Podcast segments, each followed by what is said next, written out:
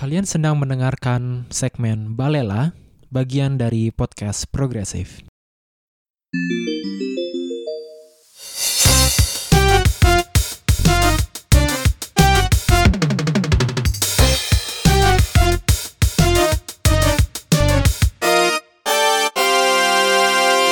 Selamat pagi, siang, dan sore, sobat progresif semuanya. Kembali lagi bersama kami di Balela bersama saya Akid. Saya Geraldus. Dan saya Caska. Kali ini kita mau membahas um, sesuatu yang sempat ramai dan sekarang masih ramai di sosial media, tapi sangat kompleks dari segi sejarah, dari segi filosofi, dan dari segi nuansa di baliknya uh, tentang konflik yang terjadi di Israel dan Palestina. Ada yang menyebut uh, perang, ada yang menyebut pendudukan, ada yang menyebut konflik agama, ada yang nah, menyebut kolonialisasi, ada yang nah, menyebut ya. kolonialisasi. Ya tergantung dari circle-nya mungkin elemennya beda-beda. Ya, dan pasti juga dan pasti juga mungkin sobat progres di luar sana mungkin ada yang merasa kebingungan karena ya apa ya kalau kita pernah ngomong di episode yang lain ada overflow of meaning ya. ya kan ya. Karena, karena karena di story di, di story Instagram, di di headline berita dan lain-lain tuh apa ya ada banyak sekali dibombardir uh, berita-berita dan informasi informasi mengenai konflik ini yang sedang sekarang sekarang pun sedang terjadi ya ketika kita merekam uh, rekaman ini. Betul, iya, belum juga uh, belum juga distorsi informasi yang diakibatkan oleh framing dari media-media tertentu kan kita sudah bisa lihat misalnya kita yang berdomisili di Jerman, koran-koran Jerman, media-media outlet Jerman jelas mendukung Israel. Kalau kita di Indonesia semuanya pro Palestina. Jadi maksudnya ada bias tertentu yang selalu menghantui kita dan sebenarnya kita mau tujuan kita apa sebenarnya di sini? Apakah kita juga pengen menghindari bias atau bagaimana? Sebenarnya bentar, mulai dari siapa dulu nih?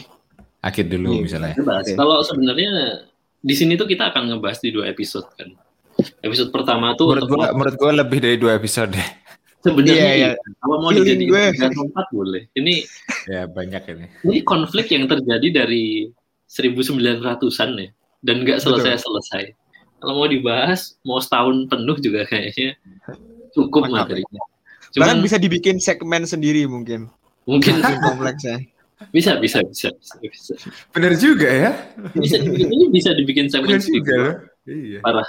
Tapi intinya sih di episode pertama ini emang kita mau memberikan apa ya gambaran umum, mungkin sejarah, mungkin definisi sebelum kita membahas lebih detail di episode sebelum selanjutnya. Jadi karena problemnya adalah di sosial media di artikel tuh yang dibahas adalah uh, peristiwa masa kini di mana sejarahnya kadang disingkat banget jadi mungkin konteksnya banyak yang hilang gitu dan juga untuk menambahkan juga ya uh, tujuan kita sih sebenarnya ya seperti yang tadi kita bilang karena sekarang mungkin informasinya terlihat sedikit ruwet, sedikit membingungkan, sedikit overwhelming. Kita ya setidaknya mau mencoba melerai eh, benang-benang uh, tersebut gitu agar lebih kohesif, lebih koheren untuk dipandang, dimengerti. Bukan berarti kita akan tahu semua jawabannya, tapi kita akan mencoba untuk ya dan mungkin habis, habis episode ini mungkin habis episode ini kita juga bakal nanya uh, di Story seperti biasa. Kalau misalnya ada teman-teman punya pertanyaan lanjutan yang harus kita bahas di episode berikutnya tentang seputar Palestina dan Israel supaya kita bisa terus dapat apa? Materi uh, apa ya bisa meresearch secara terarah. Gitu. Betul. Dan mungkin hari ini kita juga bakal banyak informasi yang miss karena ini memang permasalahannya kompleks banget, apalagi soal agenda politik dan lain sebagainya. Jadi informasi-informasi yang nanti bakal nggak lengkap kita pasti akan susulkan di episode selanjutnya. Anyway, Benar mantap. Nah, kalau gitu sebenarnya pertanyaan pertama itu kan ini kan konflik udah lama banget gitu kan. Yes. Udah beratus-ratus tahun. Tapi kenapa rame lagi di sosial media? Mungkin Bapak Caska ada tambahan mengenai ada informasi hmm. mengenai kenapa sih sekarang rame tiba-tiba dadakan? Nah, dan sebenarnya bukan rame bukan rame dalam segi masyarakat atau dalam segi sosial media saja ya, tapi emang rame dalam segi konfliknya. roket betul. diterbangkan dan dia bom dan lain-lain ya kan ya Iya. Eh, jadi sebenarnya dari yang gue yang gue baca nih ya eh, berita-berita yang lewat gitu em, awalnya tuh dimulai pada tanggal 13 April 2021 di mana hari pertama Ramadan untuk para kaum muslimin di daerah tersebut itu be- berbarengan dengan Mem- Memorial Day nya Israel. Memorial Day itu eh, apa ya kalau eh, ada yang tahu nggak mungkin Memorial Day itu apa? Kalau nggak salah hari jadinya Israel atau gimana gitu kan? Iya, iya. Iya kan ya. Nah, dan pokoknya sikat cerita ini mungkin bisa cari juga karena eh, beritanya juga banyak karena memang ini Mungkin mungkin bisa gua elaborasi kali. Gua gua ambil langsung dari New York Times eh, lima hari lalu.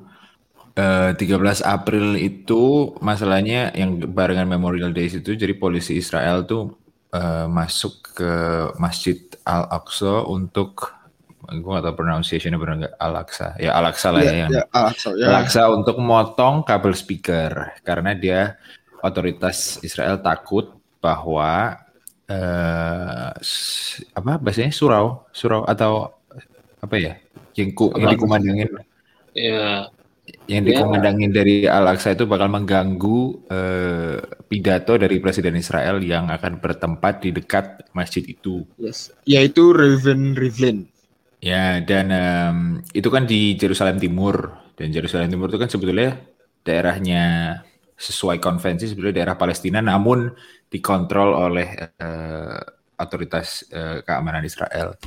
Eh, nah, setelah itu, setelah itu terjadilah konflik banyak karena ya itu hari pertama puasa itu lagi bulan suci terus ada polisi yang masuk dan motong eh, kabel speaker dan gak cuma motong dia juga ngusir beberapa pendoa Ya. di situ Dan, juga me- memblokir beberapa akses eh, untuk masuk ke dalam masjid tersebut juga. betul dan be- di beberapa hari selanjutnya di, polisi Israel juga nutup banyak tempat eh, di mana orang-orang Palestina biasanya berkumpul buat malam apa malam harinya setelah puasa gitu jadi tensionnya naik sebenarnya gara-gara 13 April itu dan setelah itu ya banyak apa banyak konflik antara orang Palestina dan Israel di dalam negara Israel gitu Ya. dan em, sebetulnya kita juga harus ngomongin soal yang kasus itu apa conviction Kok eh, yang Sheikh Jarah ya? eh, apa, nah apa yang? Sheikh Jarrah itu pengusiran dari rumah-rumah. Tapi sebelum itu juga sebenarnya pada saat eh, Jerusalem Day juga karena tadi ada em, tension Memorial atau Day. apa sih Memorial Day ya, ada tension yang eh, naik. Eh, ini juga ger- apa namanya momentum, momentum ini juga digunakan oleh banyak em, kelompok aktivis eh, sayap kanan Hmm. nya Israel untuk ya berdemonstran dan ya mobilisasi. Dan pokoknya ya kalau bisa dibilang eh, mungkin bisa dilihat sebagai sebagai bentuk intimidasi mungkin ya. Ya provokasi intimidasi. Provokasi dan intimidasi. Dan juga banyak cerita bahwa misalnya mereka mau sengaja kayak mau mengintimidasi mengganggu orang Palestina yang sedang misalnya eh, buka puasa bareng dan lain-lain. Dan akhirnya terjadi sebuah konflik dan cekcok ya di antara mereka. Seperti itu. Dan seperti Betul, efek terus- domino Ya, terus tambah yang itu per- kasus rumah Pengusiran, di ya. Sheikh Jarrah itu. Ya. Karena itu eh, ada ya kasusnya teman-teman bisa lihat di berita sendiri tapi intinya ada keluarga Israel yang mengaku punya daerah rumah punya rumah itu sebelum tahun 1948 terus pengen mereclaim rumah itu dan proses pengadilannya berjalan terus eh, di waktu-waktu eh, di, di antara 13 April sampai se- sampai 10 eh, Mei ini waktu sidangnya berlangsung terus dan eh, akhirnya keluarganya kalau saya diambil ya diusir ya sama Diusir, polisi. diusir. Nah itu kan tambah bikin panas lagi. Udah ada insiden Al-Aqsa tanggal 13 April tambah lagi pengusiran keluarga itu dan itu kan dan sebelumnya itu udah banyak banget semacam pemuda-pemuda Palestina di Israel maupun di Palestina yang mengadakan gerakan protes damai untuk membahas soal orang-orang yang tinggal di Sheikh Jarrah itu. Karena Dan- sejarah itu juga su- sudah apa ya semacam tanah sengketa juga ya di antara Tanah sengketa juga. yaitu di Ya itu Jerusalem Timur kan harusnya punya Palestina. Kalau kalau terus ada settler yang tetap diperbolehkan untuk penetrasi ke situ kan berarti ada sebuah komitmen yang dilanggar gitu. Ya. Nah, terus 4 Mei eh, Hamas bikin apa statement kalau misalnya konflik ini berkaitan dengan Sheikh Zara dan juga soal konflik yang terjadi antara orang Israel dan Palestina di dalam Israel uh, terus terjadi dia uh, tidak akan tinggal diam. Terus tiga hari setelahnya 7 Mei polisi Israel uh, nyerbu dalam tanda kutip Masjid Aqsa lagi karena itu itu hari hari terakhir puasa kan ya? Iya, salah. seperti ya udah mau malam takbiran bukan ya? Iya, malam 7 7 Mei. Ya, uh, dan itu sudah mau lebaran. Besoknya hmm. besok besoknya lebaran. Lebaran tanggal berapa sih? Lebaran tanggal 13 yeah. Mei. Eh berarti eh? bukan. 7 oh 7 Mei itu berarti mungkin malam lalat kokoder kali ya?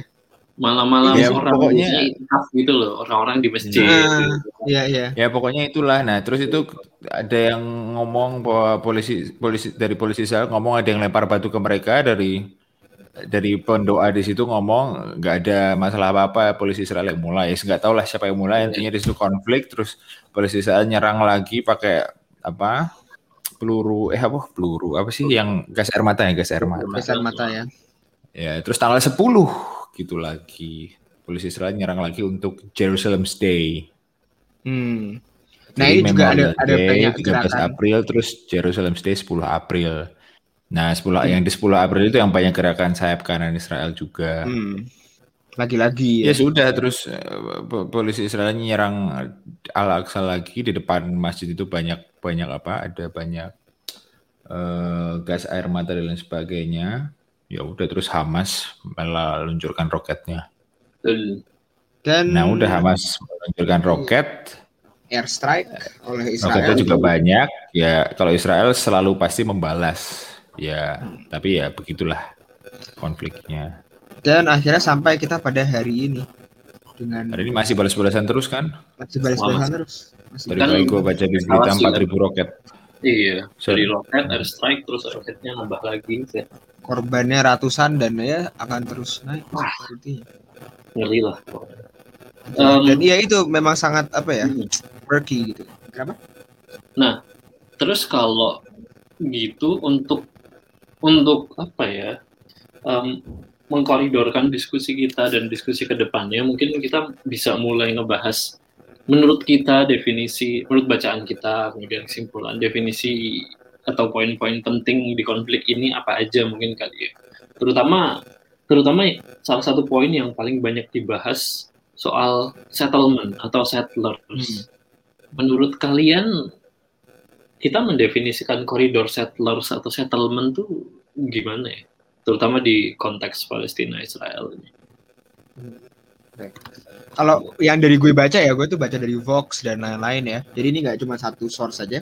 Tapi pokoknya yang gue sinte yang gue sintesiskan dari itu semua adalah um, Israeli settlements atau settlement orang Israel atau kadang juga disebut sebagai Israeli colonies bahkan. Jadi koloni Israel itu adalah um, iya apa namanya um, apa sih istilahnya um, communities hmm, bisa ya yeah. ya komun uh, uh, komunitas um, ini komunitas um, sipil um, orang Israel dan isinya juga um, hampir uh, seluruhnya itu juga eksklusif orang-orang uh, orang-orang Jewish orang Yahudi dan um, dibangun di eh, daerah-daerah yang statusnya masih occupied atau masih yang diduduki oleh Israel. Jadi bukan Israel proper gitu ya. Tapi daerah-daerah yang misalnya seperti di um, daerah Palestina seperti di West Bank, um, Jerusalem Timur, dan juga bahkan uh, daerah Syria yang sekarang juga disengketakan yaitu daerah Golan Heights. Jadi seperti itu. Dan oh, itu ada Jewish settler yang ke situ juga tuh. Iya di Golan Heights. Makanya uh, Golan Heights juga tanah sengketa juga antara Suriah dan Israel. Um, okay. Dan juga uh, biasanya um, tempat-tempat tinggal ini komunitas komunitas-komunitas kecil ini gak, gak kecil juga sih ada juga yang gede-gede soalnya sekarang. komunitas-komunitas ini yang um, ditinggali oleh orang-orang Israel dan dibangun di tanah-tanah ya occupied ini tuh uh, kebanyakan uh, muncul setelah tahun 67 setelah uh, Six Day War atau perang enam yeah. hari yang di mana memang Israel menang ya itu lawannya siapa sih itu uh, seluruh seluruh Liga Arab. Mesir Liga Arab ya? Lebanon ya Liga Arab gitu loh ya pokoknya setelah si Israel menang lalu tanah-tanah baru yang dia duduki ini um, sebagai hasil dari uh, perang tersebut dibangun ya jadi mereka membangun banyak komunitas tempat tinggal. Dan ini uh, dilihat sebagai sebenarnya pelanggaran uh, banyak um, hukum internasional sebenarnya tapi tetap ya masih ada gitu kan begitu kalau gue mungkin bakal melihat dari uh, apa ya dari dari awal mungkin. Karena kalau kita ngomong dari sejarah Palestina itu pernah ada atau ada atau nggak pernah ada. Sebenarnya kan banyak yang mempertanyakan itu kan. Kalau yang menurut orang Yahudi atau menurut orang ya katakanlah Zionis, katakanlah orang-orang yang kalian mau mendefinisikan Zionis dulu nggak? Uh, mungkin nanti karena itu panjang lagi. Zionis. Kelebaran nggak? Ke kelebaran nggak kalau aku kalau tapi, ini, tapi nggak apa nggak apa. Karena, karena sebetulnya kan motivasi. Kalau ngomongin settler settlers kan berarti harus ngomongin motivasi. Kenapa men settlers? Ya. Betul, men settle. ya, ya Zionisme intinya orang-orang yang melihat uh, uh, apa ya penempatan negara Israel atau pemberian state atau pemberian otoritas pemerintahan, pemberian eh, teritorial untuk orang-orang Israel yang adalah orang-orang Yahudi eh, sebagai gimana secara teologis.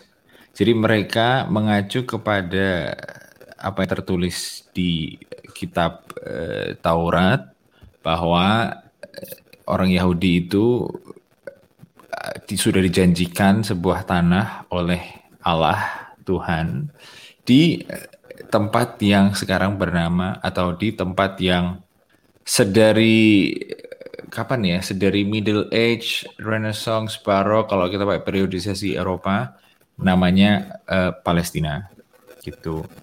Jadi yang daerahnya adalah Yerusalem, Bethlehem, Hebron yang sekarang jadi West Bank yang disebut Samarita dan Judea itu.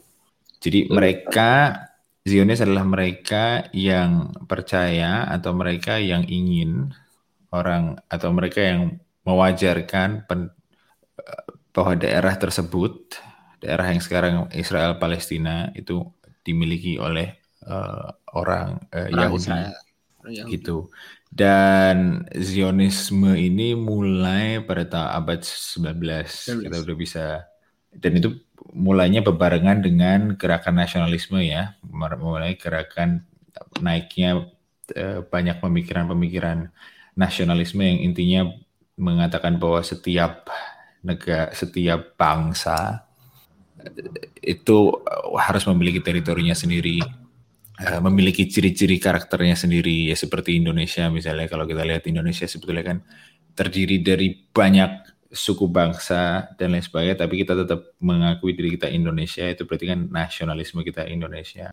Sama saja dengan orang uh, Palestina yang Uh, kalau ngomong Palestina, orang Palestina itu sebetulnya kita ngomong orang Arab kan. Orang Arab ya, tapi sudah membentuk uh, subkulturnya sendiri gitu. Nah, tapi orang Arab yang sudah memiliki identitas budayanya sendiri dan lain sebagainya, dan mereka mendefinisikan diri mereka sebagai orang, orang Palestina, Palestina dan gerakan nasionalisme Palestina juga sudah ada dari abad 19. Ini yang gue ngomongin semua dari sumbernya dari Edward Said, The Question of Palestine. Barangkali buku yang masih sangat relevan dan apa ya scholarly written lah yeah. apa hmm. secara akademis enggak maksudnya pada akhirnya jelas membela Palestina karena Edward Said sendiri memang orang Palestina tapi memang memang kalau melihat sejarahnya ya. ya memang orang pasti akan membela Palestina otomatis menurut gua. Kalau Dan, mau nambahin sih emang hmm. kata kunci di teologi paling penting karena uh, dari beberapa esai yang gue baca tentang circumstances si uh, konflik Palestina Israel ini, Zionis terutama terms yang dipakai Zionis settler itu latar belakangnya adalah satu karena dulu tuh justru kayak jadi second class citizens gitu kan. Nah, iya, jadi, itu tadi yang mereka mencari land buat mereka bisa jadi equals, bisa jadi setara dengan first class citizen di Eropa. Tapi hmm. Palestina tuh bukan satu-satunya tempat. Ada beberapa pilihan. Tapi teologi dari Palestina itu yang jadi salah satu alasan utama kenapa mereka mengusulkan dan mereka akhirnya meminta wilayah dari Palestina untuk dijadikan negara Zionis atau negara buat para kaum dan memang motivasi uh, terhadap gerakan gerakan Zionisme itu sendiri juga ya kebanyakan itu dari um, agamis bahkan orang-orang yang yang pindah ke tempat-tempat settlement-settlement baru ini. Walaupun sekarang memang ada insentif lain ya karena sekarang memang uh, dikasih diberi banyak insentif oleh pemerintah Israel seperti uh, harga rumah lebih murah, ongkos lebih murah dan lain-lain, tapi tetap yang paling utama sebenarnya dan dari awal adalah um, secara teologis gitu. Ya, soal itu kayak kita bisa merefer ke video dokumenter yang dibikin Fox ya, bukan F tapi V, V O X dia bikin kalau hmm. saya tiga jilid video dokumenter dan jilid ketiga yeah. itu bahas soal motivasi orang. Dan memang banyak yang motivasinya teologis tapi ada juga yang motivasinya murni ekonomis. Tapi, tapi um, ekonomis itu modern gitu maksudnya ya orang-orang yang modern. tapi kalau kalau gue boleh balik lagi ke sejarah awalnya Zionisme itu teman-teman bisa cari orang yang namanya Theodor Herzl. Ya, Theodor Herzl. Herzl ya. Herzl Herzl. Dan, ya gitulah um, pokoknya ya itu nggak perlu dijelasin banyak tapi intinya dia adalah orang salah satu satu salah satu orang pertama yang mempropagandakan soal Zionisme. Dan untuk pengeta untuk apa pengetahuan sampingan Zionisme itu nggak cuman eksklusif buat, buat orang Yahudi ya. Zionisme Kristiani juga banyak. Orang-orang Kristiani seperti saya Kristen atau Katolik atau apa pun itu yang membaca kitab suci yang juga pada akhirnya kitab suci yang dibaca orang Yahudi uh, yang berpikir bahwa sudah sepantasnya orang-orang Yahudi kembali ke tanah Israel. Itu Zionisme Kristiani juga ada um, Joe Biden kalau nggak salah. Joe Biden itu Zionis Kristen. Dia, dia oh, sendiri juga self dia sendiri self proclaim bahwa dia Zionis. Hmm. Apalagi Donald Trump. Uh, ya. ya itu untuk menyebutkan nama-nama sedikit dan saya sendiri juga tahu banyak orang Zionis Kristiani. Uh, walaupun mereka sendiri nggak tahu Zionisme itu apa, tapi sebetulnya mereka adalah Zionis. Zionis. Ya, kalau kalau dan, um, ya dan untuk dan kembali ke soal uh, Palestinanya, jadi sebelum uh, ada Israel, sebelum uh, awal abad ke-20 sebetulnya Palestina itu dihuni oleh orang Arab, orang Arab Palestina, orang Arab yang Tidak. tadi kita sudah sebut mendefinisikan diri mereka secara nasional sebagai Palestina. Hmm. Tapi juga udah banyak memang orang Yahudi yang tinggal di situ. Um, Walaupun masih termasuk minoritas ya, karena oh kalau iya, salah minoritas sekali. Kalau nggak salah pas tahun 47 pun 1947 ketika eh, ada partition plan yang pertama kan ya. Oh 47 udah banyak. Nah, iya, datanya tapi ini. walaupun udah walaupun sudah banyak, tapi kalau nggak salah ya, datanya mana ya? Sebentar dicari dulu. Tapi um, or, um, populasi orang Arab itu tetap masih ini datanya ini, ini, ini datanya dari dari buku Edward Said masih 1931. Oke, ini mulai 1931 ya. Itu hmm. orang Yahudi yang tinggal di situ 174 ribu. Hmm. Sementara total orang yang tinggal di situ, termasuk orang Palestina, orang Armenia dan lain sebagainya, ada satu juta. Hmm. Jadi kurang lebih 17 persen. Terus lima tahun kemudian 1936 orang Yahudinya 384 ribu. Okay. Total 1 juta 300. Itu udah naik presentasinya. Terus 1946 600 ribu. Orang Tapi kalau misalnya di dari total dengan... 1 juta 900. Jadi udah hampir 30 persen. Jadi naik terus maksud gua. Memang. Naik terus ya. Walaupun itu tetap Karena, Arab tetap Arab tetap masih jadi mayoritas pada saat itu kan. Oh iya, selalu selalu selalu jadi mayoritas. Maksud gua, gua ngomongin ini tadi data data mulainya settler oh, menaikkan ya. Mulainya mulainya para settler itu mempenetrasi Datang, ya. Palestina ya awal awal abad ke-20 setelah ada setelah ada propaganda Zionisme ya. Dan juga karena ya Kemudian- tekanan tekanan dari Perang Dunia Kedua dan gerakan antisemitisme yang ya marak di Eropa. Gerakan antisemitisme yang marak di. Eropa, antisemitisme itu antinya anti orang Yahudi ya. Betul, seperti Apalagi ya, rezim ya. seperti rezim Nazi yang Nah. banyak membunuh ya 6 juta katanya orang Yahudi. Banyak juga orang Yahudi yang kemudian bermigrasi selain ke Amerika ke tapi juga langsung ke tanah Israel. Dan pada dan ini dan lagi-lagi kita ini kompleks. Kita baru bahas soal eh, istilahnya Zionisme. gerakan bottom bottom up-nya Zionisme, ya kan? Maksudnya bottom up bahwa ada kesadaran tumbuh di orang-orang Yahudi bahwa mereka tuh harus kembali ke sebuah tanah yang dijanjikan oleh Allah kepada mereka. Terus juga bottom up dari Palestina naiknya gerakan nasionalisme. Tapi kita juga harus me- men- me- apa ya, me- membahas soal kondisi geopolitik di tanah Israel Palestina waktu awal abad ke-20 kan. Dan di Hmm. situ itu kan sebenarnya yang memfasilitasi settlers itu pindah ke tanah Betul. Palestina. Ada yang mau bahas nggak soal Setuju. Ini tapi udah melebar ke ranah di luar ranah definisi sebenarnya. Iya betul, karena ini nanti larinya ke British Mandate for Palestine dan nanti Iya sih, itu tadi maksud gua, maksud gua Ini untuk dibahas. fasilitatornya Tapi gimana? menurutku nanti di timeline bakal masuk sih itu. Karena Oke. ini kita kan nanti ada satu seksi buat timeline di mana bisa diperlebar lagi di tahun-tahun Oke. berikutnya. Tapi kalau bisa dirangkum kan berarti Zionisme itu definisi atau pergerakan dari kaum Yahudi untuk mencapai kesetaraan di tanah yang dijanjikan. Jadi Ya. pas gue cari lagi sebenarnya apa namanya eh, nggak cuman di Palestina tapi bahkan di Argentina juga jadi salah satu eh, di Amerika Selatan juga jadi salah satu pilihan. Di Afrika karena- juga. di Afrika juga Uganda, Cyprus gitu ya. karena teologi, Nah, iya. karena Yerusalemnya, maka Palestina dipilih. Nah, itu kan definisi Zionisme secara singkat banget, di mana mereka pengen ada Jewish state, di mana mereka bisa setara dan kembali ke tanah pilihan secara teologis. Em, untuk definisi settler sendiri, tadi kan kita sudah sempat membahas mengenai adanya komunitas, kemudian yang eh, diskusi bahwa mereka ada yang settling di tanah yang masih sengketa atau malah tanah yang sudah ditentukan wilayah Palestina, kemudian pembuatan settlement dan segala macam. Tapi ada juga settler di mana ya udah mereka pindah aja secara normal gitu kan.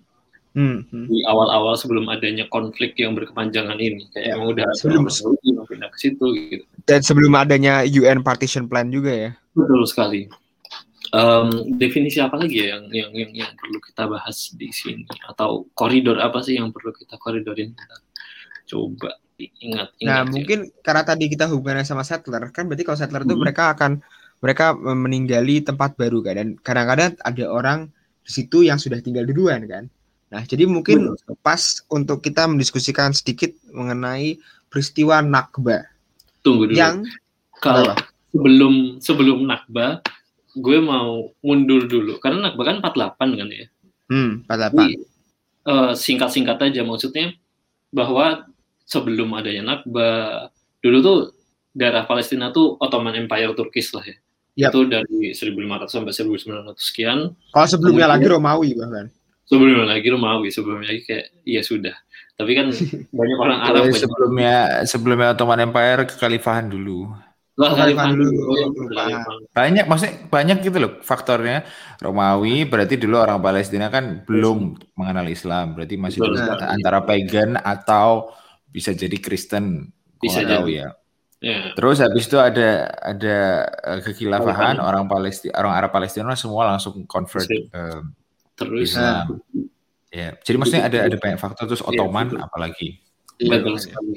Nah, terus em, British dong habis itu habis Perang Dunia Pertama ya atau sekitar itu Ya. 1917 eh, pemerintahan Inggris di menguasai Palestina, kemudian mereka yang pertama kali kalau nggak salah support untuk adanya eh, daerah untuk kaum Yahudi gitu.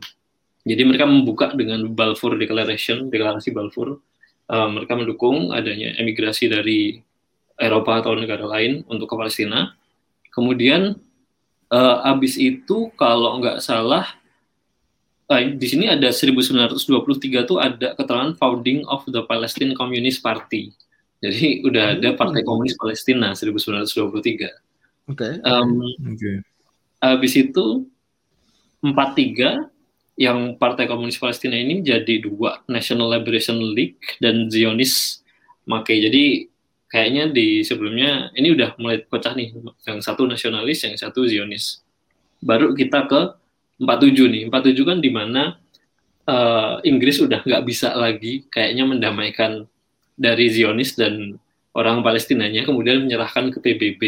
Ya nggak sih? Ya, ya. dan kemudian, kalau boleh gue tambahan, hmm, kalau gue boleh tambahan yang semaj yang dari masa datang pertama kali koloni orang Yahudi akibat motivasi bottom up, motivasi teologis, motivasi Zionisme yang tadi kita bahas itu tahun hmm. 1882 sampai ke 47 sampai ke akhirnya Inggris memutuskan untuk menyerahkan ini ke komisi di PBB itu sebetulnya ada banyak konflik yang terjadi antara orang Arab Palestina dan orang Israel dan makanya si akhirnya si Inggris merasa udah nggak sanggup lagi mendamaikan.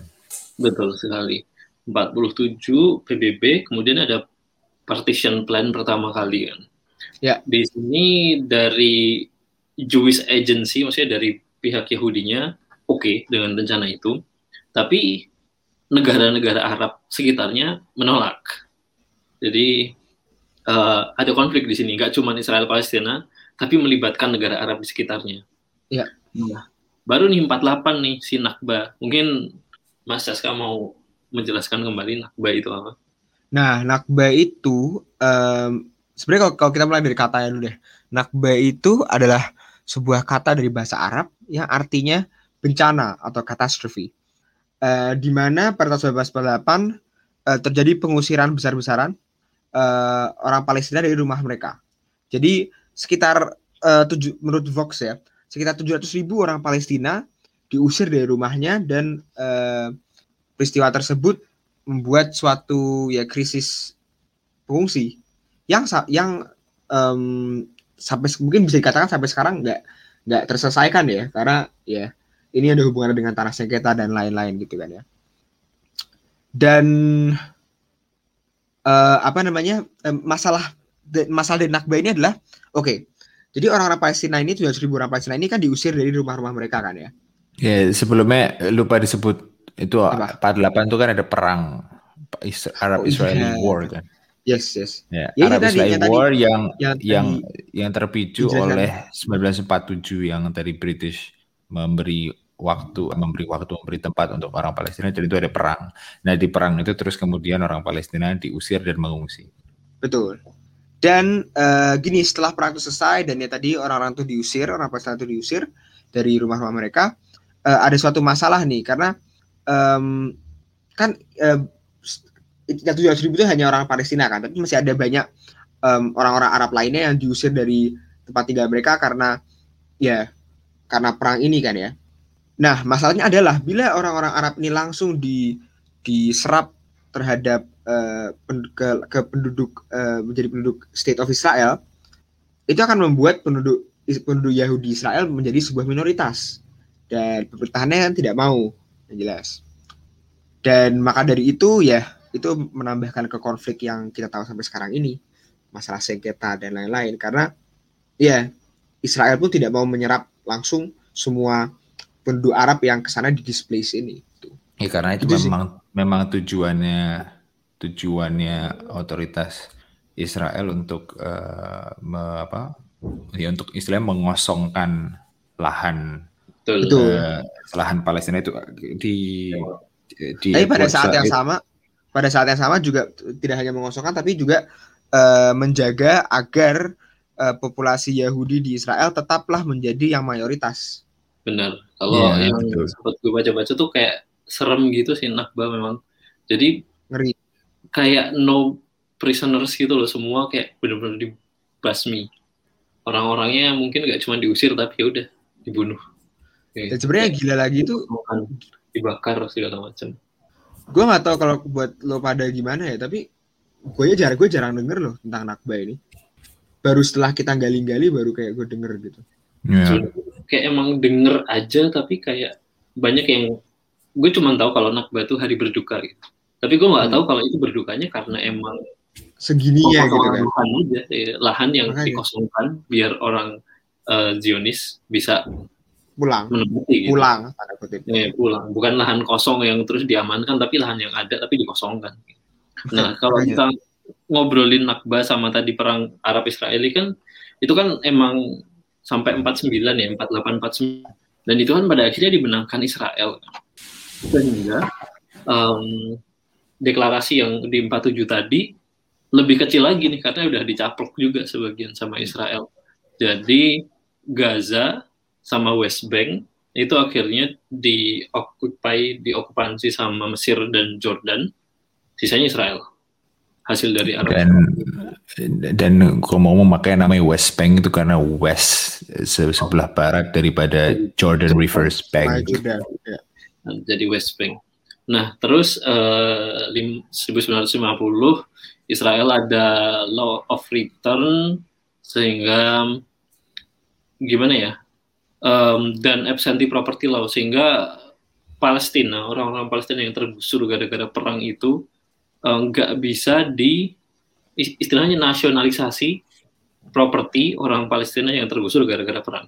Ya. Jadi pas perang mereka menang, orang Palestina jadi refugee, nah asetnya dinasionalisasi, quote unquote Ya. nasionalisasi karena udah diklaim sama Israel. Ya. Jadi kalau Iya. gue boleh nambahin di situ Hmm. satu data lagi dari eh, bukunya Said bahwa s- kita bisa nge-trace motivasi itu sebenarnya dari buku diary-nya Theodor Herzl itu tadi karena sebe- sebenarnya motivasinya itu kan motivasi untuk me, gue ngutip langsung ya reconstitution, rebuilding eh, dari tanah Palestina untuk Iya. uh, orang Israel. Jadi di masa setelah Exodus itu, setelah uh, apa apa nak, apa Nakbah, sorry. Nakba, Nakba. setelah Nakbah itu banyak desa-desa Palestina yang dihancurkan rata, termasuk kuburan, termasuk rumah, termasuk taman, gitu. Jadi aku cuma mau nambahin itu memang destruksi besar-besaran properti orang Palestina juga saat Wah. diakuisisi, nggak cuma diakuisisi tapi di- dihancurin, bener-bener untuk apa ya Dihancurkan. membangun sesuatu yang baru gitu. Mm-mm. Ya untuk ya membersihkan ya. Dan setelah itu kan Israel akhirnya memberikan juga itu kan yang uh, law of law of return. Jadi dia memberikan uh, kewarganegaraan untuk orang-orang Yahudi yang mau pindah ke Israel. Kayak Dan ini uh, it applies untuk uh, orang Yahudi di mana pun. Jadi misalnya kalau Di mana pun. anda kalau saya anda orang Yahudi atau gimana di Rusia gitu, anda berhak uh, tanpa macam-macam berhak untuk mendapatkan um, keluarga negara Israel. betul sekali. Itu sudah di 1950. Berarti udah 70 tahun yang lalu ya. Iya. Bapak saya belum lahir nih. Kemudian em, Yang gua umur lima tahun waktu itu. lima tahun ya. Kemudian standar lah di di situ kan mulai ada pergerakan dari warga Palestina, mulai ada ketidakpuasan mengenai perang Arab Israeli ini terus kalah malah eh, aset-aset mereka hilang dan segala macam. 1964 muncul PLO Palestine Liberation Organization. Organization. Ada yang mau menambahkan soal PLO ini? Jadi, jadi tujuannya PLO ini adalah pas tahun 64 ya. Hmm. eh, pas mereka baru dibuat adalah untuk meng, m- mendelegimita- delegitimasi dan untuk sebenarnya menghilangkan state of Israel dan menggantinya dengan sebuah eh, ya state of Palestine yang beneran secara keseluruhan nggak ada nggak ada kompromi gitu tidak ada pembagian wilayah. Pokoknya area yang disebut Israel itu menjadi Palestina secara keseluruhan. Dan eh, taktik yang mereka gunakan adalah taktik militer eh, yang termasuk eh, taktik tersebut adalah termasuk eh, ya menyerang penduduk orang Israel juga. Tapi pada tahun 19 oh, ini lo loncat gak nih? Kalau gue langsung nyebut tahun 1993 Iya, loncat bentar gak apa-apa, ntar balik lagi. loncat ya? Oh ya nah tapi tahun 1993 PLO ini eh, tidak sekeras dulu. Jadi PLO ini eh, sedikit melunak di mereka menerima eh, mulai menerima em, bahwa State of Israel itu berhak untuk em, ya ada exist uh, tapi harus dengan um, exchange bahwa Israel mengakui keberadaannya um, perwakilan dari Palestina gitu yang di mana perwakilan dari Palestina itu maksudnya si PLO ini dan benar, benar. tahun 1993 ini adalah uh, awal dari um, peace negotiation yang beneran ada kemungkinan bisa produktif gitu nah, di antara dua sisi ini. Yang menarik dari PLO ini adalah um, PLO emang dari awal di awalnya berdiri kan keras sekali kan. Mereka mau state of Palestine. Dan kemudian setelah PLO berdiri eh, negara-negara uh, Arab tuh masih gimana ya bisa dibilang semi ikut campur dalam masalah Palestina Israel ini. Kayak 60 67 tuh masih ada perang lagi dengan dari negara Arab dan Israel, um, Israel, Arab, Jordan, Syria, Lebanon. Terus Israel menang lagi, sehingga teritorinya nambah lagi. Jadi Gaza dan Sinai di, berkurang yang dimiliki. Sinai, Sinai padahal punya Mesir. Iya, padahal Mesir. punya Mesir. Dan juga hmm? dan juga itu uh, Golan Heights ya Suriah. Iya, Golan Heights dan Syria benar. West Bank dan Jerusalem juga berkurang jauh. Sehingga uh, Oh enggak, West Bank apa? semuanya Gaza, West Bank semuanya semuanya dapat Israel. Sorry, Israel dapat itu. Semuanya enggak ada enggak ada yang sisa emang. Kayaknya enggak, masih enggak ada. ada sama sekali ya. At least menurut VOX ya, video dokumenter. Okay, berarti kalau secara tahun 67 enggak ada, tapi kan kalau basis setelahnya basis setelahnya itu. basis international law-nya kan tahun 47 tetap. Ya, uh, tapi maksudnya setelah 67 setelah Israel menang perangnya itu, terus mah Israel dapat semuanya. Dapat semuanya. Oh ya, oh. dapat semuanya, tapi walaupun hmm. basis hukumnya itu tetap tahun 47 sebenarnya. Nah, basis hukum perbagian nah, tanahnya. Itu kon nah, di sini sebenarnya apa namanya? Uh, Yasser Arafat tuh masih di uh, Fatah namanya. Jadi pergerakan grassroots-nya itu namanya Fatah. Fatah nah, ya? di Fatah ini, Fatah. ada yang nyebut Fatah, ada yang nyebut Fatah sih. Kayaknya mungkin terjemahan negara masing-masing ya. Okay. Um, baru mereka gabung ke PLO dan kalau yang dari gue baca emang mulai dari sini mereka mencoba melepaskan diri dari pengaruh negara Arab dan mulai gerilya dan mulai banyak menang-menangnya sehingga um, apa ya bisa dibilang PLO dengan Arab agak ada konflik kayak di 70 Jordan itu menekan keberadaan PLO di sekitar Jordan. Sehingga PLO pusatnya pindah ke Lebanon. Kemudian um, ini Arab nih 73 Mesir dan Syria itu mencoba ngambil Golan Heights tapi kalah lagi. Jadi Israel ini jago perang ya ya. Tiap kali oh, iya, perang, iya, awal. perang menang terus. Uh, di situ harus noted sing soal jago perang itu noted bahwa di situ banyak backingan USA. Banyak, banyak kawannya kalau, juga. Kalau teman-teman mau membongkar itu baca Noam Chomsky dan gue benar-benar harus merefer ke Noam Chomsky dan Edward Said karena itu dua, dua dari kalau nggak salah Noam Chomsky bahkan itu yang pertama dari intelektual Amerika yang membela Palestina. Palestina. Benar, benar. semangat ada. anti kolonialisme dan dan dia di situ banyak banget membongkar koneksi US ke Israel dan sebetulnya Israel tuh miskin. Kalau nggak punya backingan dari USA Betul. apalagi soal militer gitu. Jadi, jadi itu ada, ada backingan militer. bahwa Israel tuh watchdog country-nya US ya. Yeah. jadi negara buat memantau buat mengecek uh, kondisi di sekitar semenanjung Arab Timur Tengah watchdog country. Um, tapi itu intinya tuh dengan supportnya Israel tuh kayak menang terus saja gitu. Um, kemudian di 74 74 nih ada Palestinian National Council kalau nggak salah salah satu isinya juga PLO kemudian mereka mulai mendiskusikan two states di sini karena perang kalah terus gitu kayaknya. Tapi kayak diskusi two state di situ. Uh, kemudian di di 74 juga PLO tuh diakui sama UN sebagai representatif dari orang Palestina. Hmm. Nah di sini kayaknya mulai ada perubahan nih karena dulu kan PLO grassroots banget kan, kemudian gerilya militer banget. Di 74 tuh mulai jadi representatif, di mana mereka harus merangkul uh, termasuk yang elitnya Palestina, orang-orang yang berada kan nggak semua orang miskin. Kemudian apalagi ya yang penting ya Um, oh, ya, mungkin dari situ sorry, boleh gue inverse, boleh gue turunin sesuatu nggak yang penting? Karena sebenarnya isu soal Palestina isu representasi kan maksudnya sebelum hmm. adanya PLO itu kan otoritasnya itu mungkin kita harus sekali lagi ya sebenarnya otoritas yang speak for atau yang misalnya hadir ke PBB, hadir ke apa delegasi delegasi yang menjadi delegasi-delegasi atau diplomat itu siapa? Ada nggak sih otoritas yang stabil? Karena kita kan sebenarnya nggak pernah mikirin itu misalnya di Indonesia ya yeah. katakanlah. Kita selalu hmm. mengkonstruksi bahwa oh Palestina sebuah negara, oh maksudnya langsung bayangannya oh Indonesia negara, ada presiden, parlemen, jadi lembaga-lembaga lain. Terus oh Palestina negara, ada itu, ada itu. Enggak, maksudnya enggak, Palestina itu enggak ada, enggak ada selengkap itu ya. Nah, dari itu mungkin kita bisa bahas ke episode selanjutnya ya untuk mendalami. Karena tadi kan sempat disebut kalau partai-partainya itu ada gitu. Hmm. Otoritasnya itu sebenarnya ada. Tapi okay. dari segi peristiwa penting itu kayaknya negara Arab semua yang Iya, yang muncul di sejarah. Jadi untuk diplomasi mungkin ya ini penting buat dibahas di episode nanti gitu. Diplomasi Palestina sendiri siapa sih yang me memimpin?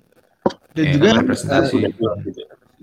Mungkin tadi kita udah bahas bahas PLO lumayan dalam, mungkin ini waktunya untuk membahas suatu ya organisasi juga yang besar yang juga banyak terdengar pasti yaitu Hamas. Atau Hamas mau dibahas episode selanjutnya lihat waktu coba. Enggak, ini nyambung oh, iya. sih karena di di 82 mungkin nyenggol sedikit ya. Hmm, iya, okay. di 82 tuh Israel mau menghancurkan PLO. Kemudian karena tadi PLO mulai melunak sebenarnya. Di setelah mereka menjadi National Authority Palestina, mereka melunak karena kan harus tadi mengakomodir nggak cuma grassroots yang militer tapi yang mau damai juga. Nah, di sini 87 sampai 93. Nah, ini langsung loncat panjang. Dari 87 sampai 93 intifada tuh mulai muncul uprisingnya orang-orang yang emang pengen Palestina lagi gitu. Jadi PLO okay. zaman dulu gitu, intifada. Eh, nah, intifada tapi itu bahasa Arab bahasa Arab dari demonstrasi gede atau apa ya, ya. aksi melawan. Iya, aksi betul. melawan. Nah, ini misalnya di Gaza. Nah, ini Hamas ini. Ini awalnya Hamas di situ. Intifada. Nah, kemudian 88 PLO mendeklarasikan Palestinian State bordernya tuh ikut 9 eh 67 1967 tapi hmm. Hamasnya ya masih di Gaza masih melawan gitu masih masih militer. Kemudian ada Oslo nah ini deklarasi Oslo, Oslo Accords ya? Iya karena banyak yang nggak puas juga kan. Sebenarnya terutama Hamas awal-awal nggak puas dengan Oslo. Um, kemudian kita skip karena biasalah pasti ada konflik atau ada yang mau ditambahin? Gue cuma mau infer, mau menurunkan dari situ hmm. yang persoalan representasi bahwa Palestina itu pun di dalam Palestina sendiri banyak uh, terdapat ketidaksetujuan maksudnya antara harus one state atau two state uh, ikut Hamas atau ikut uh, ya, partai PLO. yang sekarang yang PLO turunannya dari PLO apa namanya nggak tahu. Jadi maksudnya gue cuma mau ngomong bahwa kompleksitasnya itu sebetulnya nggak cuma di perlawanan eksternal Palestina lawan Israel. Tapi juga internalnya Palestina. US, tapi internalnya Palestina sendiri itu juga ada kompleksitas di situ. Betul, betul, karena, betul. Karena Hamas dan PA pun tidak saling setuju ya. Iya, tidak akur, tidak akur. Bahkan beberapa tahun lalu, aku tuh baca tapi aku lupa um, dicatat ya, tapi um, salah satu apa menteri atau petinggi dari PA juga pernah diserang kan oleh Hamas juga. Hmm. Dan ini nah. sering terjadi begitu-begitu. Maksudnya jadi maksudnya ya itu internal pun ada hmm. panas juga. Setuju. Nah, ini di Oslo kan PLO mulai dibentuk Palestine Authority, kemudian intinya mulai merapikan two state lah. Tapi kan banyak yang nggak puas. Nah, ini kita langsung loncat ke 2000. 2000 setelah Oslo ini 93 ke 2007 tahun ada second intifada, intifada kedua di mana yaitu uh, merasa tidak puas, kemudian perjuangannya muncul lagi di Gaza dan di West Bank. Kemudian Israel, nah ini penting nih karena kita sering lihat di sosial media tuh tembok-temboknya Israel. Hmm. Apartheid walls, Israel apartheid state. Nah 2002 kalau masalah ini mulai dibikin si apartheid wall-nya. Jadi hmm. daerahnya Israel dan Palestina di West Bank terutama. 2004 Yasser Arafat meninggal.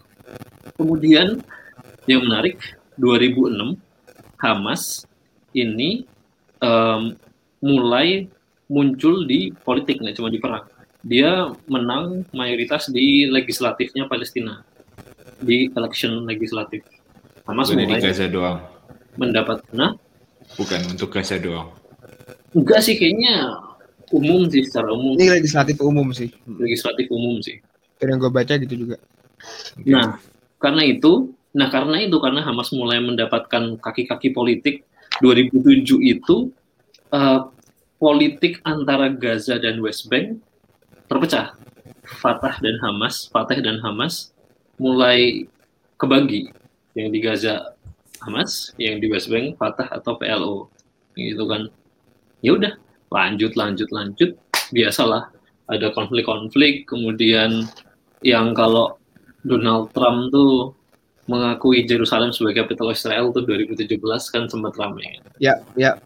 Dan, Memindahkan uh, apa namanya um, kedutaan besarnya kedutaan besar US di Jerusalem juga ya udah um, oh jangan lupa 2019 Golan Heights juga diakui oleh US sebagai tanah Israel okay. oh ya mm -mm, di 2019 Trump officially recognize Israel sovereignty over Golan Heights. Ya yeah, no surprises there sih.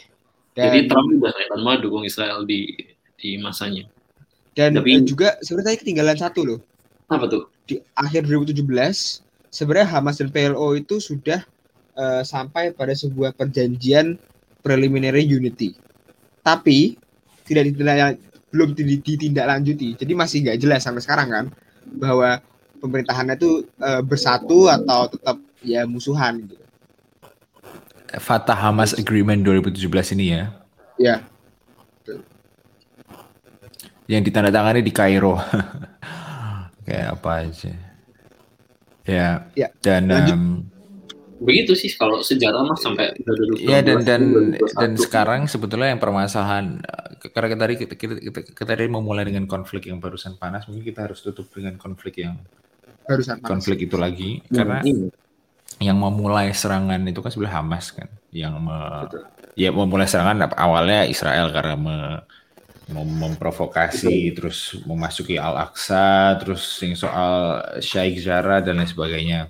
Tapi sebenarnya kan yang mem- terus kemudian membuat sekarang eh, pertukaran pertukaran apa ya tembak-tembakan roket itu kan Hamas awalnya yang tanggal 10, 10 atau 11 eh, Mei lalu iya. itu. Nah, pertanyaannya kenapa Hamas bisa punya roket kan? Nah setelah gue cari menurut Deutsche Welle itu karena Hamas itu didukung sama Turki sama Qatar secara finansial. Dan Qatar memang sebetulnya investor paling gede di Palestina terutama okay. dia banyak invest di daerah West Bank menurut Atlantik dan soal misil dia dapat dari Iran. Misil Hamas tuh kalau nggak salah 4.000, 5.000, 8.000 biji gitu. Dan ya. dan sekarang per hari ini kalau nggak salah dari gue baca berita 4.000 misil ditembakin. Jadi um, dan waktu seperti yang gua gua kan dulu pernah kan ke Israel sama Palestina untuk tujuan tour religius. Dan itu gua harus ke Bethlehem kan dan Bethlehem itu kan daerah Palestina. Dan itu gimana tuh? harus cross Malah. harus crossing itu apa harus lewatin tembok itu. Dan memang itu ada checking ah, ribet banget checkingnya. Terus semuanya orang pakai tentara-tentara pakai uh, apa uh, senjata. Dan tour guide gue tuh orang Yahudi kan. Dan tour guide gue tuh nggak nggak ikut masuk ke Palestina. Karena sebenarnya ada perjanjian kalau ngomongin soal wall yang di, ngomongin soal tembok yang dibangun 2002 tadi ada perjanjian bahwa nggak boleh orang Palestina masuk Israel Israel masuk ke Palestina. Jadi, jadi tour guide gue nggak ikut ke Bethlehem eh dan bener nggak sih bener nggak sih kalau untuk perjalanan di dalam area Israel Palestina tuh dipisahin gitu yang untuk orang Palestina sama untuk orang Israel Bener gak oh, sih? Iya, iya memang. Oh, iya. Yang, itu, yang itu lo lihat di, yang lo lihat di darat gimana? Oh iya, iya memang. Tapi di panjang ya itu ini, ini ya, itu, itu, itu episode selanjutnya yang soal detail karena detail ini, settlement dan lain sebagainya. Ini menarik Tapi ini karena ngomong, masalah real. Gua mau ngomong apa ya. tadi coy? Gue jadi gue jadi bingung kan. Menutup dengan apa Menutup dengan masalah yang real. Jadi oh iya, yeah, yeah, jadi gue mau, gue mau naruh pancingan nah, dikit. Ah, gua mau gua mau ending ending di statement ini. Jadi modelnya selalu gini, sesuai juga yang dikatakan tour guide gua orang Yahudi. Jadi Israel itu hanya nyerang roket ya, ini ngomongin roket ya. Kalau Israel nyerang sivil, masyarakat sipil melalui otoritasnya itu udah banyak di dalam Israel sendiri. Tapi maksudnya dia hanya ngeluarin roket kalau Hamas nyerang. Jadi Hamas nyerang satu roket, Israel balas satu roket. Hamas nyerang berapa ribu roket, Israel juga balas jumlahnya sama. Dan apa yang ditarget Hamas, ditarget Israel juga di Palestina. Apa yang ditarget Hamas di Israel, ditarget juga oleh Israel di Palestina gitu. Dan kita tahu sendiri jomplang toh Israel misil-misilnya dari Amerika, Hamas misil-misilnya yang raket sendiri dari Iran, banyak roketnya yang jatuh ke daerah Palestina sendiri, nembaknya hmm. dari Gaza jatuh ke Gaza sendiri juga banyak. Jadi maksudnya yang mati kan udah kelihatan banget yang meninggal 10 orang Israel, hampir 200 orang yang mati Palestina. dari orang Palestina. Gitu. Apa tadi Akid mau nambahin apa? Nah, ya enggak sih masih masih nyambung tapi gimana ya uh, eh, gue tuh sempat baca di sosial media ada yang bilang kenapa sih Hamas tidak mau damai kenapa sih Hamas nyerang-nyerang terus padahal kayak udah ini ada yang bilang Hamas tuh sebenarnya buatan Israel kayak Israel tuh bantu bikin Hamas buat mastiin Palestina tuh nggak stabil dan gue googling saya googling cuma belum sempat baca gue juga googling soal itu hmm. Washington Post The Intercept bikin artikel tentang itu. Terus okay, okay. siapa? Siapa yang bikin artikel tentang itu? Maaf. Washington Washington, Washington Post, Post. Intercept kalau yang pada baca. Bikin artikel tentang itu. Dan menarik statement-statementnya, tapi sebenarnya belum digali. Saya belum gali secara detail, tapi pada intinya ini pancingan buat episode selanjutnya. Episode berikutnya. Destabilisasi Palestina nih rancangan siapa sebenarnya? Ada sih, ada yang bilang gitu. Tapi yang tapi yang gua googling hari ini yang gua googling hari ini uh, kalau nggak salah dari Atlantik Uh, Atlantik, dia ya? ngatain dia bilang sih dia nggak mau berspekulasi di situ katanya bukan karena sampai sekarang jelas yang finance Hamas sekarang ya Turki, Iran. Qatar sama Iran. Cuman ya nggak tahu itu nah makanya itu permasalahan geopolitiknya di Timur Tengah itu sebetulnya kan ribet banget tau. Maksudnya kadang-kadang gue herannya orang bukan gue heran ya, tapi kadang-kadang gue amati orang Indonesia itu terlalu mendapat supply berita yang sangat simplistik ngomong ini kom, apa ya konflik homogen antara Islam versus Yahudi atau Dan terus disangkut ini sama Kristiani banyak juga. Nah padahal maksudnya di dalam di dalam Middle East sendiri yang kita yang di Indonesia di apa persif sebagai homogen sebuah ke kekuatan Islam itu pun juga banyak trik-trik yang you know betul. Dan juga gitu juga sekarang ya apalagi aku, saya gue ngomongin kayak konflik yang tahun ini yang sekarang ini uh, hal tersebut yang lo bilang Ger itu terjadi juga di lingkup internasional. Karena ya ya gue lagi kebanyakan dari aktivisme dari gerakan dan informasi yang tersebar itu lewat sosial media. Di mana banyak yang tidak dicek dicek dan banyak yang ter apa ya ter tersimplifikasi gitu yang di yeah. yang di boil down gitu kan. Jadi sebenarnya banyak orang perspektifnya sama juga memikir bahwa ini sebuah uh, uh, apa namanya sebuah konflik yang sangat homogen yang pokoknya ya udah gitu aja gitu. Padahal ya, di Jerman kita, misalnya di di Eropa misalnya. Itu kan juga sama aja. Yahudi lawan Eropa, antisemitis ya. nah gitu. Ya hmm. pokoknya gitu. Jadi ini juga mungkin diperparah nggak diperparah ya diperparah atau nggak ya tergantung perspektifnya tapi di uh, landscape problema ini juga dirubah. Ya. karena kita nggak lihat ini tahun 2007 ya kan? Nggak ngelihat nanti 2021 jadi ini mungkin suatu suatu nanti akan lucu mungkin bukan bukan lucu kayak perkembangannya ke depannya mungkin beda dari yang kita tahu sebelumnya gitu dan we shall see. Ya sangat setuju dan ini sangat relevan dibahas di episode selanjutnya. Betul. Luar biasa. Sehingga sepertinya sudah saatnya kita menutup episode kali ini. Kecuali ada tambahan dari Mas Gerald atau Mas Jaska ya sudah. Kalau begitu terima kasih sudah mendengarkan sobat progresif. Selalu jaga kesehatan. Semoga yang kita sampaikan saat ini dapat membuat kalian semua membalela di pikiran masing-masing. Selamat pagi, siang, sore. Atau malam, di mana pun kalian berada. Atau malam, betul sekali. Sampai jumpa lagi di episode selanjutnya.